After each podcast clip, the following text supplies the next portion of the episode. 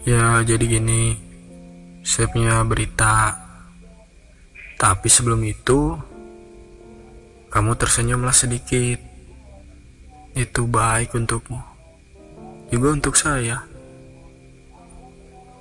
Oh iya, tapi kayaknya beritanya gak bakal seru deh kalau diceritain.